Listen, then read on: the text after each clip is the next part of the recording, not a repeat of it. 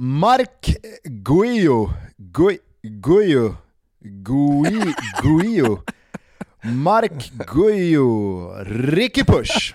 Ah, ja, ni fattar. La Masia har gjort det igen, för när Barca och Xavi som allra mest behövde det, mindre än en vecka innan El Clasico, så byttes 17-årige Mark Guijo in i den 79 minuten och bara 34 sekunder senare så hade anfallaren avgjort mötet med Athletic Club efter en riktigt bra aktion i djupled. Svårt att skriva en vackrare debutsaga. Glädje och eufori för katalanerna, frustration och domarilska i den vita delen av Madrid. Detta efter ett gruffigt och grinigt palaver mot Sevilla som slutade med delad pott på Ramon Sanchez Pizjuan. Således även Girona och Atleti stora vinnare denna helg i La Liga-toppen eftersom de båda rödvit-randiga lagen återigen stod för nya målglada segrar.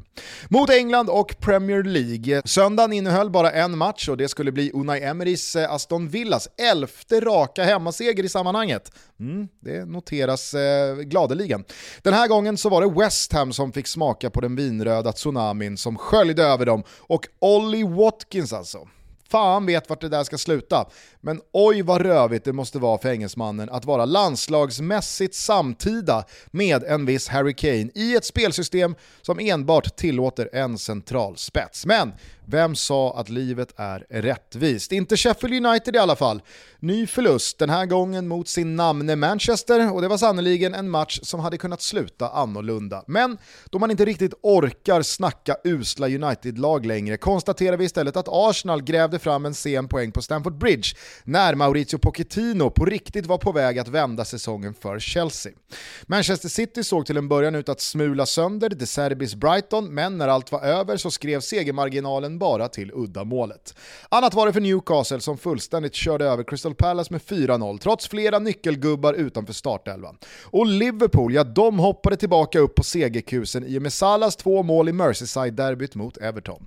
Klart att Ashley Youngs röda kort i den första första halvleken inte gjorde ont för Kloppan och när Ibrahima Konate dessutom undvek ett enligt många givet andra gult kort i den andra halvleken så kände sig en reporter nödgad att fråga tysken på PKn efteråt ifall Everton också borde ropa omspel. Respekt från Tuttohåll att karva fram den frågan vid det tillfället. Everton feel that Ibrahima Konate should have been sent off today and that it was a terrible decision that he wasn't. Do you think they should be allowed to have a replay too? Serious with the question. I Italien så gjorde Juventus det Juventus gör allra bäst, nämligen att påminna alla oss som tittar på att de är just Juventus och vad det faktiskt innebär. För när alla skulle slå fast att de är sämre än någonsin inför eh, bortamatchen mot ett Milan som eh, flyger högt upp i tabelltoppen så lämnar Juventus San Siro med tre poäng. Okej, även här så blev ett rött kort i första halvlek matchavgörande. Och Lucatellis distansskott styrdes in via Rade Kronics knä, men skitsamma, ändå. Jag tittar på tabellen och konstaterar att den där svartvitrandiga gamla kärringen är där för att stanna. Det är dock inte bara Milan man ska rå på för att vinna scudetton. Inter fortsätter se kusligt starka ut, man behövde dock en timme borta mot Torino för att vakna till efter landslagsuppehållet, men sen så kunde man gå ifrån till 3-0 och givetvis gjorde Lautaro Martinez mål igen. Även Napoli hakar på och i Osimens skadefrånvaro så klev Kvicha Kvaratskhelia väldigt lägligt fram med två pytsar borta mot Hellas. Väldigt glädjande också att se Jens Kajuste med en fin fin prestation på de regerande mästarnas mittfält. Segrar även för Lazio, Roma, Atalanta och Bologna och tillsammans med Fiorentina som kommer fortsätta sin strålande höst ikväll hemma mot Empoli, jinx jinx, så är nu tabellens topp 8 utkristalliserad. Tillåt mig att vara väldigt tydlig kring detta. Innan vi vänder hem till Svea rike så noterar svepet ett gäng anmärkningsvärda tabellpositioner runt om i Europa. Till exempel så upplever Ajax det som bara måste vara klubbens sämsta säsongstart någonsin. De ligger nämligen på nedflyttningsplats efter helgens nya förlust, den här gången mot Utrecht. Visst, de har efter stök och bök två matcher mindre spelade än konkurrenterna, men ändå. Ajax på nedflyttningsplats i Eredivisie och det är snart november. I ett ännu sämre läge, på jumboplats i Ligue 1 och absolut inte med några matcher mindre spelade än konkurrenterna så hittar vi Lyon.